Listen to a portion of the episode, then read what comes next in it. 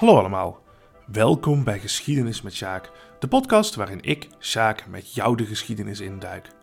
Gewapend met een boog strijdt hij samen met zijn bende vanuit het bos van Sherwood tegen prins Jan en de sheriff van Nottingham. Hij steelt van de rijken en geeft aan de armen. Robin Hood. Iedereen kent hem waarschijnlijk wel uit verhalen en films.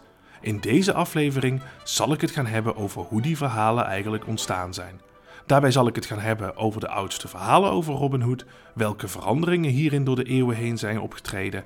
En natuurlijk zal ik ook antwoord proberen te geven op de vraag of Robin Hood nou wel of niet gebaseerd is op een historische figuur. Maar voordat we zover zijn, laten we bij het begin beginnen. Op 8 november 1973 in de Verenigde Staten.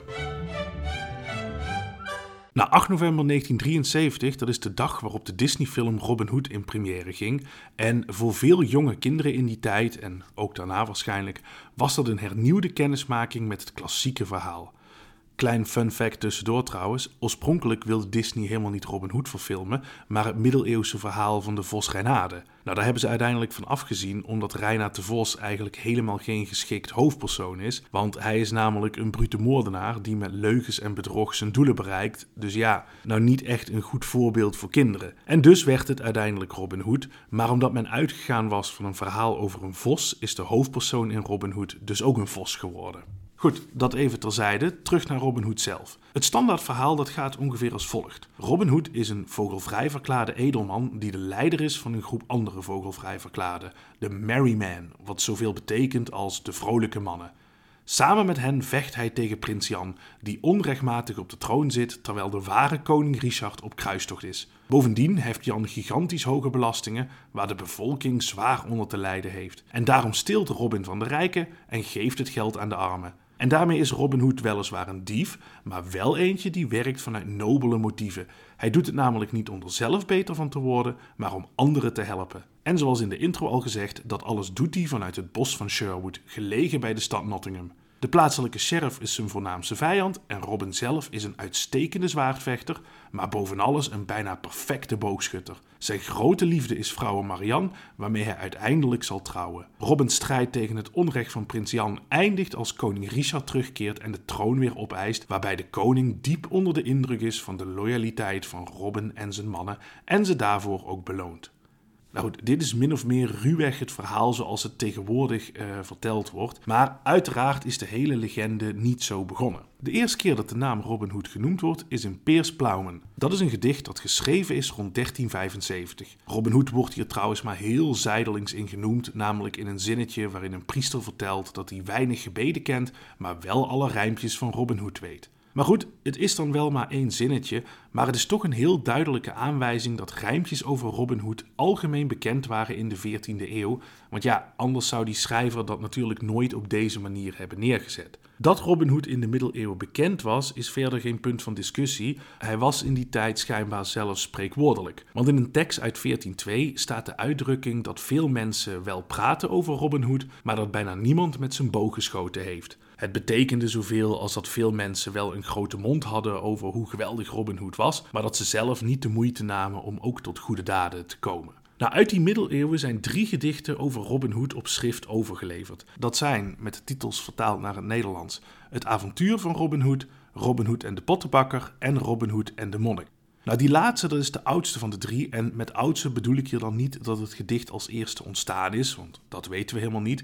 Maar dat van dit gedicht het oudste manuscript bekend is, namelijk uit ongeveer 1450. Het gedicht heet, zoals ik al zei, Robin Hood en de Monnik, maar dat is een titel die er in de 19e eeuw aangegeven is, want het oorspronkelijke manuscript heeft geen titel. Nou, het is een vrij lang gedicht, maar het verhaal op zichzelf is eigenlijk vrij eenvoudig. Robin Hood die is al een tijdje niet naar de kerk geweest en dus besluit hij om maar weer eens een mis bij te wonen in de kerk van Nottingham. Een van zijn vrienden, Much de molenaarszoon, die raadt hem aan om niet alleen te gaan, maar minstens twaalf man mee te nemen als bescherming. Maar Robin die vindt dat allemaal overdreven en die neemt alleen Little John, oftewel Kleine Jan, eh, met zich mee. Onderweg besluiten Robin en Jan om een boogschietwedstrijdje te houden met als inzet een klein geldbedrag. En verrassend genoeg wint Kleine Jan. Nou, Robin Hood die is hier heel chagrijnig over en die weigert te betalen. Kleine Jan die pikt dat niet en hij loopt boos weg. Nu moet Robin dus alleen naar de kerk. En tijdens de mis wordt hij dan ook nog eens herkend door een monnik. Die waarschuwt snel de sheriff van Nottingham en die stuurt natuurlijk meteen zijn mannen erop af. En na een kort gevecht wordt Robin gevangen genomen en ter dood veroordeeld. Zijn gevangenname is uiteraard groot nieuws en ook zijn mannen in het bos van Sherwood die horen ervan. Kleine Jan is daar inmiddels weer teruggekeerd en uiteindelijk bedenken ze met elkaar een plan om Robin te redden. Daartoe overvallen ze eerst een monnik en zijn page die door het bos reizen met een brief die gericht is aan de koning, waarin staat dat Robin Hood gevangen is. Vervolgens reizen ze zelf naar de koning met die brief in handen. En de koning die is zeer ontstemd als hij hoort dat Robin Hood gearresteerd is. Niet omdat hij fan is, maar omdat hij hem zelf wil terechtstellen. En dus geeft die kleine Jan zijn officiële zegel mee en de opdracht dat hij naar Nottingham moet reizen om de sheriff te bevelen Robin Hood over te leveren aan de koning. Nou, de vogelvrijverklaarden die krijgen daarbij ook nog eens een flink geldbedrag als dank dat vooraf al wordt uitbetaald. Aangekomen bij de sheriff laat kleine Jan het zegel zien. De sheriff nodigt hem dan uit voor een paar drankjes, maar al snel wordt de sheriff dronken en gaat naar bed, waarna kleine Jan naar de cellen sluipt en Robin Hood weet te bevrijden. Samen vluchten ze terug naar het bos en Robin Hood is dan kleine Jan zo ontzettend dankbaar dat hij hem aanbiedt om leider van de vogelvrijverklaarden te worden. Maar kleine Jan die weigert dat. De koning ondertussen, die is woedend dat hij bedrogen is, maar hij is ook onder de indruk van de loyaliteit van kleine Jan en Robin Hood en daarom laat hij de hele zaak maar rusten. Nou, een aantal bekende elementen zijn eigenlijk al heel duidelijk aanwezig in dit gedicht. Om te beginnen natuurlijk personages als hè, Kleine Jan, Much de Molenaarszoon, de sheriff van Nottingham, noem ze allemaal maar op. En daarnaast is Robin Hood een vogelvrij verklaarde die overduidelijk graag boogschiet. En natuurlijk speelt er ook een koning een prominente rol in het verhaal. Het enige is, we weten niet wie die koning is, want in het hele gedicht wordt de naam van die koning of prins niet genoemd. Dus we weten niet of hiermee nou prins Jan of een ander koninklijk figuur bedoeld wordt. Sowieso zijn er in het hele verhaal ook heel veel onderdelen die in de loop der tijden simpelweg verdwenen zijn. Robin Hood is in dit verhaal bijvoorbeeld niet van adel. Hij is een yeoman en daarmee behoorde hij tot een soort middenklasse in de Engelse middeleeuwse maatschappij. En daarbij is ook eigenlijk helemaal niet duidelijk dat Robin Hood de absolute leider is van de groep. dat blijkt bijvoorbeeld uit het feit dat hij Kleine Jan de leidersrol aanbiedt. En ook qua karaktereigenschappen lijkt Robin Hood helemaal nog niet zo op de nobele figuur die we allemaal van later kennen. Hij slaat advies van zijn mannen bijna arrogant in de wind. Hij kan niet tegen zijn verlies, weigert zijn schulden te betalen. Ja, Eigenlijk komt Kleine Jan veel meer naar voren als een leidersfiguur. En als laatste komt het hele principe van stelen van de rijken en geven aan de armen überhaupt niet voor in het hele gedicht. De vogelvrijverklaarden die worden wel omschreven als, tussen aanhalingstekens, goede bandieten. Maar ja, dat is misschien ook wel weer een klein beetje dubieus, want de monnik en de page die ze overvallen om de brief aan de koning in handen te krijgen, die slaan ze eigenlijk zonder pardon ter plekke dood. Het tweede overgeleverde middeleeuwse gedicht, dat is Robin Hood en de pottenbakker. Dat gaat als volgt. Uh, Robin Hood en Kleine Jan, die zitten in het bos van Sherwood en dan spotten ze opeens in de verte een pottenbakker die eraan komt. Kleine Jan die herkent hem meteen, want enkele weken daarvoor heeft hij hem proberen te beroven. Maar de pottenbakker die bleek veel sterker dan Kleine Jan. En dus daagt Kleine Jan Robin Hood uit. Ze sluiten een weddenschap om 40 shilling dat ook Robin Hood niet in staat zal zijn om de pottenbakker in gevecht te verslaan. Nou, Robin gaat akkoord, hij houdt de pottenbakker staande en zegt hem dat hij nog geen tol heeft betaald voor het gebruik van de weg door het bos. De pottenbakker die is hier absoluut niet van gediend en een kort gevecht volgt waarin Robin inderdaad verslagen wordt. Die erkent vrijwel meteen zijn nederlaag en vraagt aan de pottenbakker om vrienden te worden. Die vindt dat verder prima, waarna Robin Hood nog een stapje verder gaat en hem verzoekt om van kleren te wisselen, want hij heeft een plannetje. Vermomd als pottenbakker gaat Robin daarna naar Nottingham toe. Daar verkoopt hij alle potten en pannen van de pottenbakker voor een heel lage prijs en dus met flink verlies. Maar die lage prijzen die trekken wel de aandacht van de vrouw van de sheriff. En als Robin Hood haar dan ook nog eens een aantal potten gratis geeft, nodigt ze hem als dank uit om te komen eten. En uiteraard eet de sheriff zelf ook mee en die herkent Robin Hood natuurlijk niet, want die is vermomd. Na het eten houden de sheriff en Robin Hood een vriendschappelijk wedstrijdje boogschieten in de tuin. En uiteraard wint Robin Hood dit zonder moeite. En na afloop onthult hij dan aan de sheriff waarom hij zo goed kan boogschieten.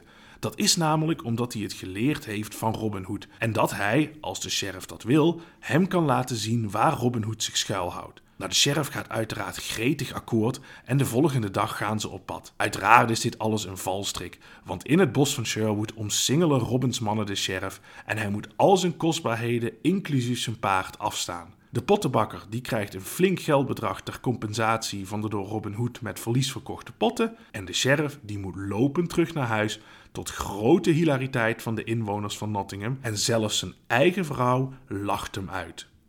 Qua toon is dit een heel ander verhaal dan Robin Hood en de monnik, want het is namelijk veel komischer van aard. Er vallen geen doden en gewonden. En nou ja, de clue is eigenlijk vooral dat de sheriff te kakken wordt gezet. En Robin Hood zelf, die krijgt eigenlijk ook een aardig lesje in nederigheid. Wanneer de pottenbakker hem uh, ja, eigenlijk gewoon een pak slaag geeft. Los van dat komt hij sowieso een stuk sympathieker over dan in Robin Hood en de monnik. Nou, dat hele komische element dat zit in heel veel versies van Robin Hood door de eeuwen heen. Net zoals het deel van Robin Hood die een nieuw iemand ontmoet en daarmee gaat vechten en vervolgens verliest. Wat ook al heel herkenbaar is in dit gedicht, is het geld afhandig maken van mensen die door het bos reizen. Onduidelijk is in dit stadium wel nog waar dat geld dan wel niet naartoe gaat. Nergens staat in principe dat het naar de armen gaat. Maar er moet wel gezegd worden, Robin Hood is wel zo goed om de pottenbakker ruimschoots te betalen. Dus dat spreekt wel weer uh, voor hem. Robin Hood en de Monnik en Robin Hood en de Pottenbakker zijn gedichten die eigenlijk één enkel verhaal vertellen. Het derde uit de middeleeuwen overgeleverde stuk is heel anders. Want het avontuur van Robin Hood is eigenlijk veel meer een soort verzameling verhalen of avonturen met een begin en een einde en doet eigenlijk veel meer denken aan een soort heldengedicht, zoals bijvoorbeeld de Beowulf, zij natuurlijk een stuk minder episch. Het avontuur van Robin Hood is ook veel langer en is duidelijk ingedeeld in verschillende, tussen aanhalingstekens, hoofdstukken. Vanwege de lengte is het ook wat lastiger om dit gedicht samen te vatten, dus nou ja, excuses bij voorbaat als het misschien een beetje lang wordt. Het begint met Robin Hood die in het bos van Barnsdale verklaart tegen zijn mannen dat hij niet zal eten totdat er een gast langskomt die wil en kan betalen voor een diner met Robin Hood. Hij geeft zijn mannen daarom opdracht om zo iemand te zoeken. En terwijl ze dat doen, mogen ze bisschoppen, andere hoge geestelijken en de sheriff bestelen, maar geen boeren en andere gewone mensen. Kleine Jan, Will Scarlet en Muk de Molenaarszoon gaan op pad en al snel komen ze een nogal armoedig uitziende ridder tegen, Sir Richard of the Lee. De ridder gaat met hen mee, maar geeft al snel aan dat hij niet kan betalen voor de maaltijd. Hij heeft namelijk een schuld van 400 pond bij de abdij van York en op dat moment is hij op reis naar de abt van die abdij om uitstel van betaling te vragen. Robin Hood is onder de indruk van de eerlijkheid van de ridder en leent hem daarom 400 pond om zijn schuld bij de kerk te voldoen. Kleine Jan reist met de ridder mee en neemt daarna dienst in het leger van de sheriff. In die hoedanigheid wint hij het vertrouwen van de sheriff en lokt hem het bos in, waar Robin en zijn mannen hem opwachten. De sheriff wordt verder geen raar gekrenkt, maar hij wordt wel flink vernederd. Na een jaar dient Sir Richard zijn schuld bij Robin Hood af te lossen, maar hij is een beetje laat met betalen. Robin Hood die heeft de hoop al opgegeven dat hij zijn geld terugkrijgt, maar gelukkig komt rond diezelfde tijd een monnik van de abdij van York langs. Toevallig ook de abdij waar Sir Richard een schuld had. En die monnik had niet minder dan 800 pond op zak. Die worden hem vakkundig afhandig gemaakt. Op hetzelfde moment komt de ridder alsnog zijn schuld betalen, maar Robin Hood verklaart op genereuze wijze dat de schuld al door de abdij betaald is en dat de ridder zijn geld dus mag houden.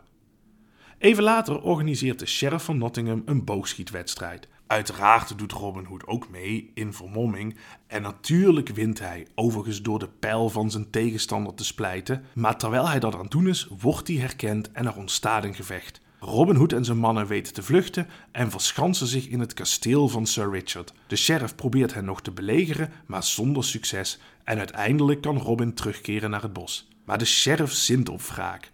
Hij gaat op audiëntie bij koning Edward en krijgt toestemming om Sir Richard te arresteren. Robin Hood is woedend als hij hierover hoort. Hij weet Sir Richard op het laatste moment te redden en niet alleen dat, in het aansluitende gevecht doodt hij de sheriff door hem te onthoofden. Koning Edward die besluit dan om zelf maar eens een kijkje te gaan nemen in het bos van Barnsdale en bij die Robin Hood waar hij zoveel verhalen over hoort. Vermomd als monnik reist hij met enkele bedienden naar het bos en daar wordt hij al snel opgemerkt door Robin Hood die hem uitnodigt voor een maaltijd. En tijdens die maaltijd vertelt hij druk hoeveel hij van de koning houdt. Na afloop vindt er opnieuw een boogschietwedstrijd plaats, maar dit keer wordt die gewonnen door de koning en die onthult daarna zijn ware identiteit. Robin en zijn mannen gaan ter plekke door hun knieën en zweren trouw aan de koning. En die is zo onder de indruk dat hij Robin een plek aanbiedt bij zijn hof.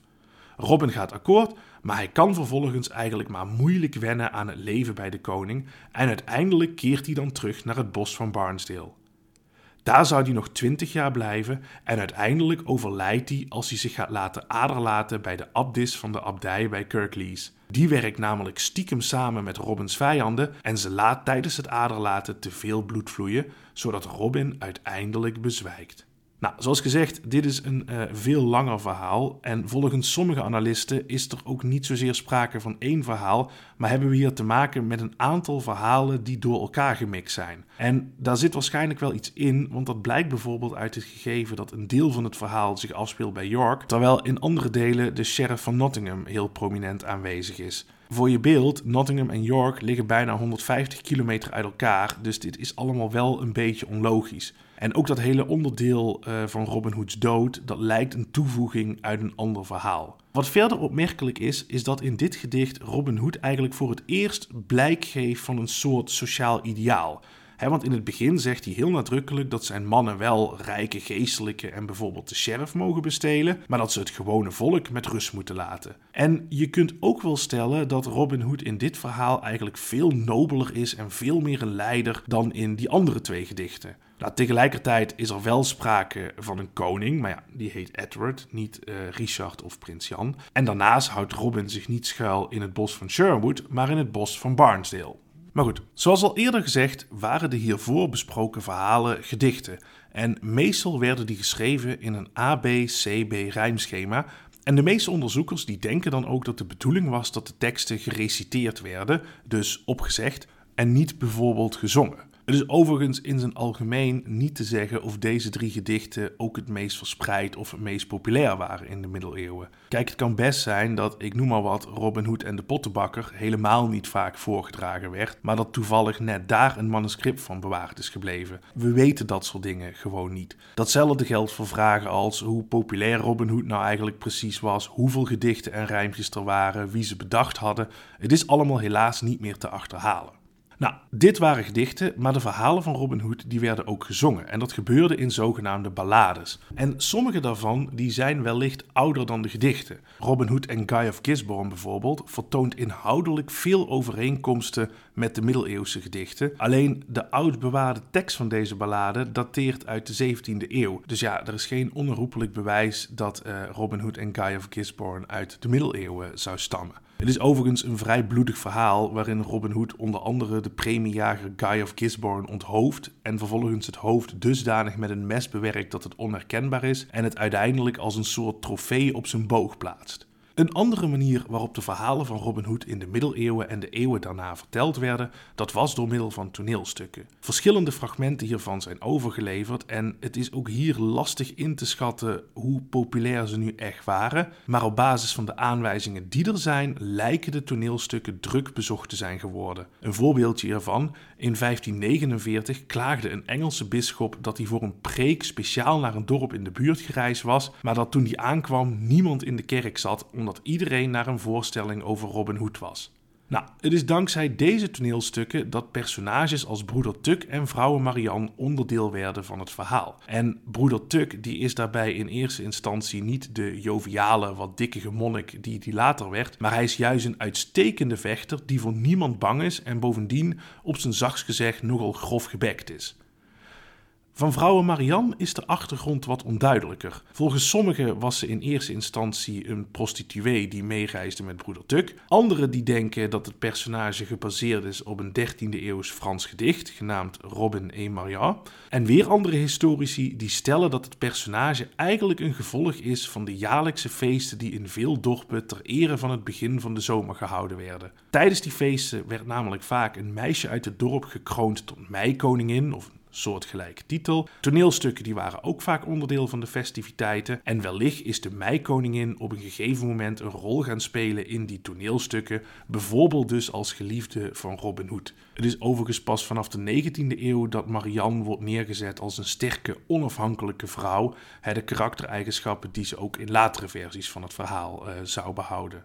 Dit soort toneelstukken die behoorden voornamelijk tot de volkscultuur. Toneelstukken over Robin Hood zijn eigenlijk maar zelden vertoond in de grote, chique theaters die in de loop van de 16e en 17e eeuw ontstonden. Maar de paar keer dat het gebeurde, had het wel veel invloed op de lange termijn. Zo is Robin Hood in twee toneelstukken die eind 16e eeuw geschreven zijn voor het eerst een edelman, om precies te zijn de graaf van Huntingdon. En in deze toneelstukken komen ook allerlei andere elementen voor het eerst voor, zoals bijvoorbeeld de slechte prins Jan en de kruistocht van koning Richard. Hoe het nou precies kan dat Robin Hood opeens een gevallen edelman wordt, dat is eigenlijk niet echt duidelijk. Eén theorie die luidt dat dit simpelweg de voltooiing was van een proces dat op dat moment al een paar eeuwen bezig was, waarin Robin Hood steeds meer de nobelste en de eerlijkste van alle vogelvrij verklaarde werd. En hè, iemand die zo perfect was, die moest dus in het beeld van de 16e eeuw wel van adel zijn. Nou, een andere theorie die stelt dat Robin Hood in de 16e eeuw inmiddels zo populair was dat ook de hogere klassen van de samenleving fan waren en dus moest hij een status krijgen die daar ook bij paste. Een goed voorbeeld van de populariteit van Robin Hood in deze tijd is dat begin 16e eeuw de Engelse koning Hendrik VIII zich regelmatig verkleedde als Robin Hood en dat hij zelfs een keer een compleet diner in die stijl gegeven heeft, inclusief acteurs die de rollen van Kleine Jan, Broeder Tuk en Vrouwe Marianne moesten spelen. Als laatste kan een en ander ook te maken hebben met de tijdsgeest. Want sommige historici die wijzen erop dat het einde van de 16e eeuw een behoorlijk roerige tijd was in Engeland. Er waren hongersnoden, er was veel sociale onrust en dan met name onder de klasse van de yeomen. Robin Hood die was zoals gezegd oorspronkelijk een yeoman en bovendien eentje met duidelijke sociale ideeën, hè, zoals bijvoorbeeld in het avontuur van Robin Hood naar voren kwam en die bovendien ook lang niet altijd de wil van de koning opvolgde. Hè, een beetje rebelsheid, dat zat er bij Robin Hood wel in. En juist in deze periode van onrust moest Robin Hood misschien wel een beetje opgepoetst worden om te voorkomen dat hij een soort icoon voor opstand en rebellie zou worden. Nou, dat is uitstekend gelukt, want Robin Hood is ondanks zijn imago van voorvechter voor de armen eigenlijk nooit zo'n icoon of boegbeeld geworden. Daarover later meer. Behalve toneelstukken waren er in deze periode ook nog steeds talloze ballades over Robin Hood in omloop. In veel van die ballades is die van adel, dus die aanpassing had duidelijk aangeslagen. Ook zijn Nottingham en Sherwood Forest in verreweg de meeste ballades de plaatsen van handeling. Qua inhoud zijn die ballades overigens meestal vooral een beetje grappig bedoeld. Het uh, Robin Hood ontmoet zijn gelijke scenario bijvoorbeeld, dat komt vrij vaak naar voren. Soms is Robin Hood overigens een held, soms ook niet. Soms gaat hij tegen het gezag in, soms ook niet. Er is één ballade bijvoorbeeld waarin een vrouw om hulp kon vragen omdat haar zonen door de sheriff tot dood zijn veroordeeld. Maar voordat Robin Hood hem besluit te helpen, wil hij wel eerst even weten wat die jongens dan precies gedaan hebben. En of ze bijvoorbeeld brand hebben gesticht of iemand hebben vermoord en dus een terechte straf hebben gekregen. Nou, uiteindelijk blijken ze dan een hert te hebben gedood en helpt Robin ze natuurlijk. Ook in de 17e en 18e eeuw zijn er talloze ballades en toneelstukken over Robin Hood en is er zelfs een enkele volksopera geweest. En nou ja, daarbij moet je dan vooral denken aan een voorstelling waarbij allerlei ballades gezongen werden. Die ballades die waren ook in deze tijd vooral bedoeld als vermaak en ze werden dan ook in grote oplages op goedkoop papier verkocht. Qua inhoud is er weinig toegevoegd aan het verhaal zoals het was, al wordt in deze periode wel een ander bekend personage geïntroduceerd, namelijk de minstreel Ellen Adale. Maar in feite kun je wel zeggen dat de verhalen over Robin Hood in deze tijd eigenlijk gewoon puur volksvermaak waren. Ze waren vooral bedoeld om te amuseren en de middeleeuwse bronnen speelden eigenlijk nauwelijks meer een rol. Daar kwam dankzij de Engelse antiquaire Joseph Ritson verandering in, want hij publiceerde in 1795 het boek Robin Hood, a collection of all the ancient poems, songs and ballads now extant relative to that celebrated outlaw, waarin hij talloze ballades en gedichten over Robin Hood opnam. Eigenlijk alleen Robin Hood en de monnik ontbrak. Ritsens boek wordt ook wel beschouwd als het eerste wetenschappelijke werk over Robin Hood, al kun je daar wel een en ander op aanmerken, omdat hij zijn conclusies grotendeels baseert op gedichten en ballades, oftewel fictiewerken. De echte waarde van Ritsens boek zit er voornamelijk in dat het een ongelooflijk waardevolle bron is gebleken voor latere schrijvers. En het is daarnaast ook nog eens een ontzettend belangrijke publicatie als je kijkt naar de ontwikkeling van de figuur Robin Hood. En dat zit hem er vooral in dat Ritson Robin Hood eigenlijk echt neerzet als een voorvechter voor de rechten van de armen en de zwakken en iemand die strijdt tegen tirannie en onderdrukking. En dat Ritson hem zo neerzet, dat kun je uitstekend in de context van die tijd plaatsen. Want in 1789 was de Franse Revolutie uitgebroken en daarmee was de hele bestaande orde in Frankrijk onver geworden. Nou, Ritson die was groot aanhanger van de idealen van de revolutie en zou dat ook zijn hele leven blijven. En in dat kader is het dus ook heel erg logisch dat hij Robin Hood juist neerzet als iemand die strijdt voor die idealen van vrijheid en gelijkheid, die ook in de Franse Revolutie een belangrijke rol speelden. Een goede vriend van Ritson, dat was de Schotse schrijver Walter Scott. En ook die heeft een belangrijke bijdrage geleverd aan de ontwikkeling van Robin Hood. Want in zijn boek Ivanhoe speelt Robin Hood weliswaar niet de hoofdrol, maar wel een heel grote bijrol. In Ivanhoe strijdt Robin Hood tegen de Normandiërs. Die hebben namelijk in 1066 Engeland veroverd en in Engeland woonden destijds voornamelijk Saksen. In het boek Ivanhoe is er nadrukkelijk sprake van een strijd tussen deze twee groepen, waarbij de Normandiërs de onderdrukkers waren. Het verhaal speelt ten tijde van de regering van Richard Leeuwenhard, die na zijn kruistocht gevangen is genomen en om het losgeld te betalen heft zijn broer Jan zware belastingen. Die gebruikt hij echter niet om de koning vrij te kopen, maar om er zelf beter van te worden en uiteindelijk zichzelf tot koning te laten kronen. Robin Hood die strijdt in Ivanhoe tegen prins Jan en als de ware koning Richard in het geheim uiteindelijk terugkeert in Engeland, sluit hij zich aan bij de Saksen die tegen de Normandiërs strijden en dus bij Robin Hood. Uiteindelijk zou koning Richard overwinnen en daarmee de strijd tussen de twee bevolkingsgroepen beëindigen. Vanaf het boek van Walter Scott zal de periode van Richard Leeuwenhard en Jan Zonderland als setting voor het verhaal van Robin Hood eigenlijk in verreweg de meeste verhalen uh, de achtergrond blijven. Dat hele deel van Saksen versus Normandiërs, dat is echt een toevoeging van Walter Scott zelf. Die is later grotendeels ook weer verdwenen. Maar in de 19e eeuw speelde deze wel een heel grote rol. En dusdanig dat zelfs in serieuze historische werken Robin Hood opeens een rol kreeg toebedeeld als Saks die streed tegen de Normandische overheersers. Dat blijft een beetje vreemd, want de enige basis hiervoor is dus het boek Ivanhoe. In zijn algemeen waren de middeleeuwen in de 19e eeuw een enorm populaire periode en dat gold dus ook voor verhalen over Robin Hood. Er zijn er in deze periode talloze gepubliceerd, maar verreweg het meest populair en succesvol was de Penny Blood-serie over hem, die geschreven werd door Pierce Egan Jr. en die de titel Robin Hood en Little John had. Penny Bloods of Penny Dreadfuls, dat waren verhalen die in delen werden uitgebracht, vaak eens per week. Die delen waren relatief goedkoop, want de doelgroep dat was de arbeidersklasse. Nou, en omdat er wekelijks een nieuw deel verscheen en het publiek dus geboeid moest blijven, waren die verhalen vaak heel erg melodramatisch en vooral ontzettend bloedig.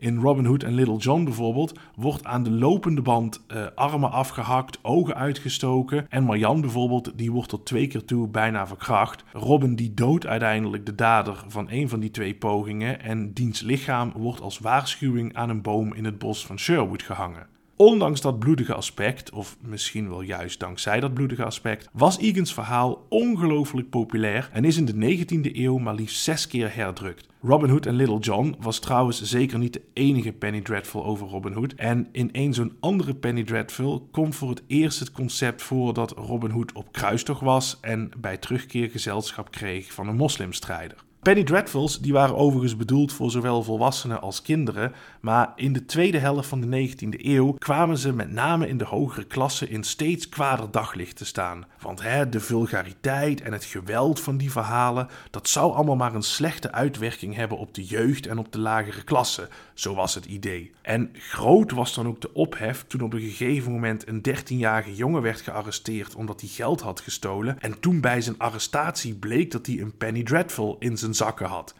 Nou, waarom vertel ik dit? Omdat het wel aardig is om te zien dat hè, waar tegenwoordig veel ophef is over de gewelddadigheid van bijvoorbeeld games die een slechte invloed op jongeren zouden hebben, uh, dat die ophef op zichzelf dus al eeuwenlang bestaat. Alleen ging het in de 19e eeuw over Penny Dreadfuls in plaats van over games. Maar goed, uh, dat even terzijde.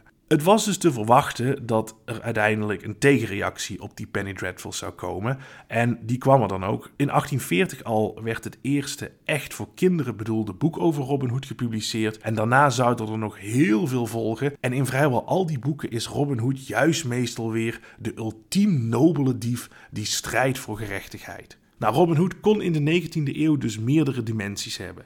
Enerzijds was hij dus nog steeds een soort rebel die het gezag uitdaagde en die het absoluut niet erg vond om geweld te gebruiken. Maar steeds vaker werd hij ook een symbool voor nationalisme, een soort oer-Engelsman die met zijn loyaliteit aan de ware koning en zijn strijd tegen tirannie en voor vrijheid een inspiratie vormde voor het hele land. Op het eerste gezicht zou je Robin Hood misschien ook kunnen koppelen aan het in de 19e eeuw ontstane communisme en socialisme, want hij streed immers tegen de rijken en gaf aan de armen. Maar die status heeft Robin Hood eigenlijk nooit gekregen. En dat komt waarschijnlijk omdat hij buiten dat geven aan de armen eigenlijk nergens blijk geeft van een wens om de maatschappij te veranderen. Het gaat bij Robin Hood bijvoorbeeld nooit over de gelijkheid tussen de verschillende standen. En ook zijn volledige loyaliteit aan de koning, die wijst er eigenlijk op dat Robin Hood verder geen problemen had met de bestaande hiërarchie. Desalniettemin zijn in communistisch Rusland twee films over hem gemaakt in de loop van de 20e eeuw. Nou ja, en ik noemde het in de vorige zin al, in de 20e eeuw zou de uitvinding van de film een enorme impact hebben op het verhaal van Robin Hood. In totaal zijn er alleen al 24 Engelstalige bioscoopfilms gemaakt over Robin Hood en dan tel ik bijvoorbeeld de verfilmingen van Ivanhoe even niet mee. Al in 1908 werd een eerste film gemaakt, die is helaas verloren gegaan, ehm, maar ik zal er nu even drie bekende uh, bespreken. Nou, de eerste echte grote productie over Robin Hood, dat was een stomme film, waarin dus niet gesproken werd, die getiteld was Douglas Fairbanks Robin Hood. De kosten voor het maken van deze film waren bijna 1 miljoen dollar en daarmee was het destijds een van de duurste films ooit. Nou, die kosten die zaten er vooral in dat er een enorme set werd gebouwd die speciaal voor de film gebruikt werd. Eigenlijk bouwden ze min of meer een heel middeleeuws dorp na. De hoofdrolspeler, die tevens verantwoordelijk was voor het scenario en de productie en die de film ook nog eens grotendeels zelf financierde, dat was Douglas Fairbanks. Vandaar ook dat zijn naam in de titel zit. De film is in veel opzichten een soort blauwdruk geworden voor allerlei latere producties. Robin Hood is een graaf die met koning Richard op kruistocht gaat. In plaats van de koning regeert prins Jan, maar die blijkt al snel een tiran te zijn. Wanneer Robin hoort van Jans wandaden, dan keert hij terug naar Engeland, ondanks dat Richard Leeuwenhart hem dit uitdrukkelijk verboden heeft. En teruggekomen in Engeland krijgt hij al snel een groep volgelingen, waarmee hij vanuit het bos van Sherwood prins Jan bestrijdt. Kleine Jan, broeder Tuk en vrouw Marianne spelen alle een heel prominente rol in de film en zelfs de kleding van Robin Hood die doet erg denken aan latere films. Op Instagram en Facebook kun je een plaatje zien uh, hiervan. Nou, de film werd een grandioos succes en leverde 2,5 miljoen dollar op. En je moet hierbij goed bedenken dat een bioscoopkaartje in die tijd ergens tussen de 15 en 25 cent kostte.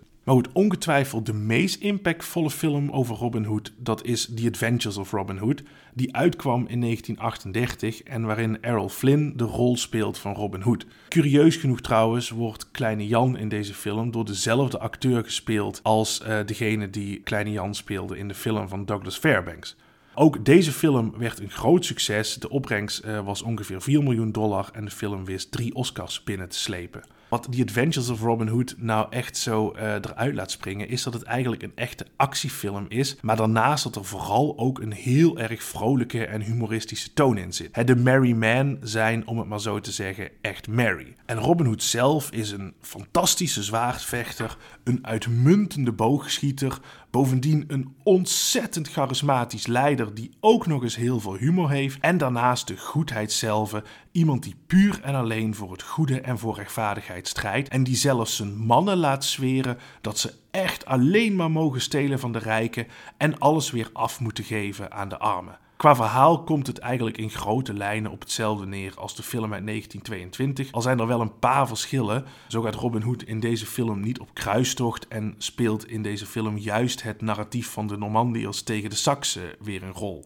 Nou, de impact van deze film die is zoals gezegd echt enorm. dat zit hem sowieso uh, in de toon en het soort verhaal wat het geworden is. Maar ook bijvoorbeeld in details als kostuums die min of meer de basis zijn geworden voor latere versies. En daarnaast is bijvoorbeeld de choreografie van de zwaardgevechten later nog eens gebruikt in de originele Star Wars trilogie. En is het personage Flynn uit de Disney film Rapunzel gebaseerd op Errol Flynn's Robin Hood. Vandaar ook dat dat karakter Flynn heet. De derde film die ik kort wil bespreken, dat is de grote jaren 90 blockbuster over Robin Hood, oftewel Robin Hood Prince of Thieves, waarin met name Alan Rickman een fantastische Sheriff of Nottingham neerzet. Ik neem deze film er ook een beetje uit jeugdsentiment mee op, want ik vond dat zelf als kind echt een geweldige film. Al moet ik achteraf wel zeggen dat er ook wel wat vreemde dingen in zitten. Zo is Robin Hood bij momenten eigenlijk helemaal niet zo sympathiek. Bijvoorbeeld als hij de inwoners van Nottingham gaat verwijten dat het eigenlijk maar uh, laf is dat ze zich verstoppen. En ook geografisch zit de film wel wat matig in elkaar. Zo komt Robin Hood aan land in Dover, maar bevindt hij zich een dag later opeens bijna 500 kilometer noordelijker bij de muur van Hadrianus. Robin Hood is in deze film op kruistocht, maar wordt gevangen genomen. Hij weet uiteindelijk te vluchten en keert daarna terug naar Engeland, maar zijn kasteel is dan door de sheriff van Nottingham verwoest. Zijn vader is daarbij omgekomen. Daarop vlucht hij naar Sherwood, waar hij kleine Jan leert kennen en wordt zo de leider van de Vogelvrijverklaarden. En onder leiding van Robin Hood worden die een ware plaag voor de sheriff. Uiteindelijk keert ook hier koning Richard terug en komt het allemaal goed en trouwt uh, Robin Hood met vrouwe Marianne. Nou goed, wat wel aardig is, in alle drie de films die ik nu net beschreven heb, zitten kenmerken die ook al in de middeleeuwse gedichten en andere eerdere versies van het verhaal voorkomen. Dat geldt natuurlijk voor een aantal karakters, hè, zoals Kleine Jan, Will Scarlet en Sheriff, maar dat geldt ook bijvoorbeeld voor een concept als Robin Hood ontmoet zijn gelijken. In Prince of Thieves bijvoorbeeld zit een gevecht tussen Kleine Jan en Robin Hood, waarin die laatste heel duidelijk het onderspit delft. En ook de door de sheriff georganiseerde boogschietwedstrijd, die bijvoorbeeld in het avontuur van Robin Hood zit, komt in de film uit 1938 prominent naar voren, net als trouwens in de Disney-variant. Daarnaast komt dat idee van de koning die vermomd terugkeert naar Engeland en onder de indruk is van Robins strijd en loyaliteit in zowel The Adventures of Robin Hood als Robin Hood Prince of Thieves nadrukkelijk naar voren. En daarnaast is natuurlijk het stelen van de rijken ook al iets dat je in sommige middeleeuwse gedichten kunt herkennen. Nou, los van dat hebben alle drie de films zowel serieuze elementen, maar boven alles speelt ook humor een heel belangrijke rol. En dat past eigenlijk prima bij de Robin Hood verhalen uit voorgaande eeuwen. Maar goed, natuurlijk zijn er ook een heel aantal verschillen. Het liefdesverhaal met Marianne bijvoorbeeld, dat speelt in alle drie de films een heel belangrijke rol. Maar zoals gezegd is dat een toevoeging van veel later. En hetzelfde geldt voor bijvoorbeeld het personage Broeder Tuk. Ook spelen al deze films tegen de achtergrond van prins Jan die op onrechtmatige wijze de troon in handen probeert te krijgen terwijl zijn broer koning Richard op kruistocht is. En nou ja, zoals gezegd, in de originele verhalen is dit helemaal niet aan de orde. Hetzelfde geldt voor die hele kruistocht waarin Robin Hood in zowel de versie van Fairbanks als Robin Hood Prince of Thieves aan deelneemt. En daarnaast is Robin Hood in alle drie de films van adel. En dat is in de oudste versies ook uh, niet zo. In The Adventures of Robin Hood speelt daarnaast de strijd tussen Saxen en Normandiërs een grote rol. Dat is zoals gezegd een uitvinding van Sir Walter Scott. En als laatste is Robin Hood in alle drie de genoemde films over het algemeen een heel nobele figuur, een echte leider die uiteindelijk zijn eigen belang moeiteloos opzij zet voor een ander. En in de middeleeuwse gedichten en in andere verhalen is dat lang niet altijd het geval. Desalniettemin kun je denk ik best stellen dat er behoorlijk wat elementen uit de vroegste Robin Hood verhalen ook in modernere versies van het verhaal zitten.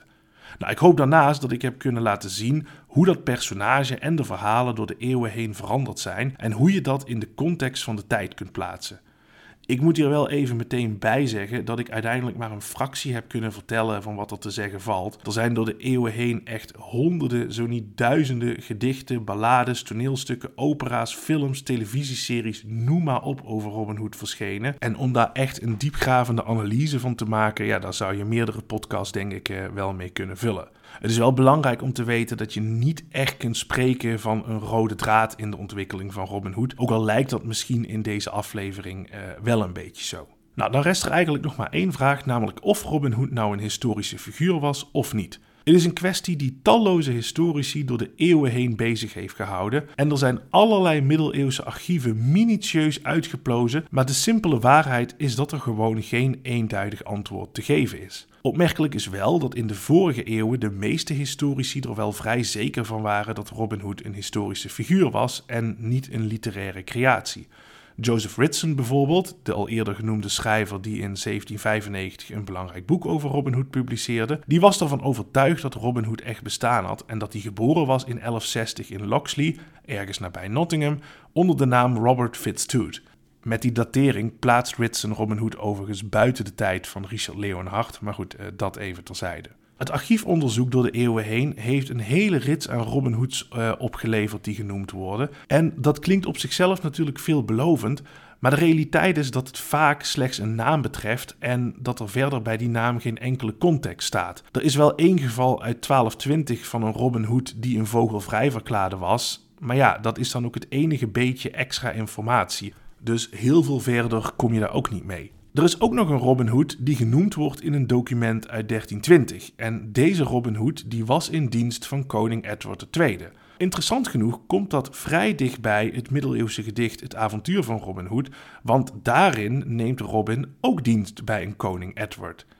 Maar ja, ook dit klinkt natuurlijk interessant, maar ook hier geldt dat daarmee de overeenkomsten ook wel ophouden. Want nergens in dat document uit 1320 wordt duidelijk dat deze Robin Hood een vogelvrij verklaarde of iets anders was. Los van dit overigens is die hele ontmoeting tussen Robin Hood en koning Edward, die dus in uh, het avontuur van Robin Hood genoemd wordt, oftewel hè, een ontmoeting tussen onderdaan en vermomde koning, een beproefd literair concept dat eigenlijk in heel veel middeleeuwse gedichten en verhalen voorkomt. Nou, de derde potentiële kandidaat is een zekere Robert Hott, die genoemd wordt in de archieven in Yorkshire en die omschreven wordt als een bandiet en vogelvrij verklaarde. Bovendien wordt die gezocht door de sheriff van York, dat is een zekere Eustace of Lotham, maar die was in een eerder stadium sheriff van Nottingham.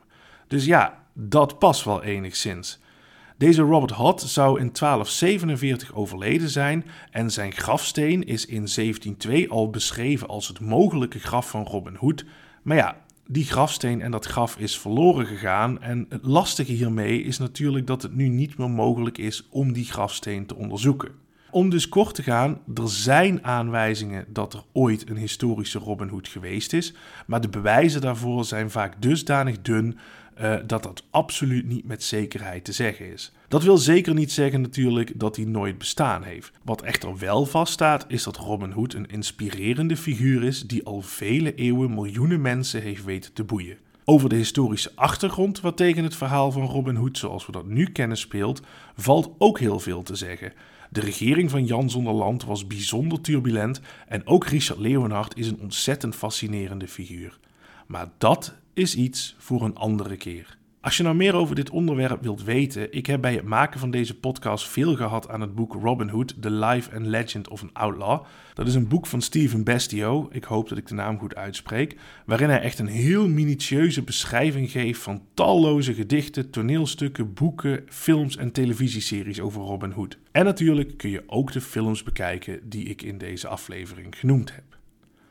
Goed, Daarmee zijn we aan het einde gekomen van deze aflevering. Heel veel dank voor het luisteren en vond je dit een leuke aflevering? Vergeet dan niet je te abonneren. En sowieso vind je Geschiedenis met Sjaak een leuke podcast? Geef me dan een 5 sterren review. Daarnaast kun je me ook volgen op Instagram en Facebook. En mocht je vragen of opmerkingen hebben, of heb je zelf een suggestie voor een onderwerp, dan kun je me via die weg een DM sturen of een mailtje sturen naar geschiedenismetsjaak.outlook.com. Gewoon aan elkaar geschreven, geschiedenismetsjaak.outlook.com. Voor nu, nogmaals dank voor het luisteren en tot een volgende keer.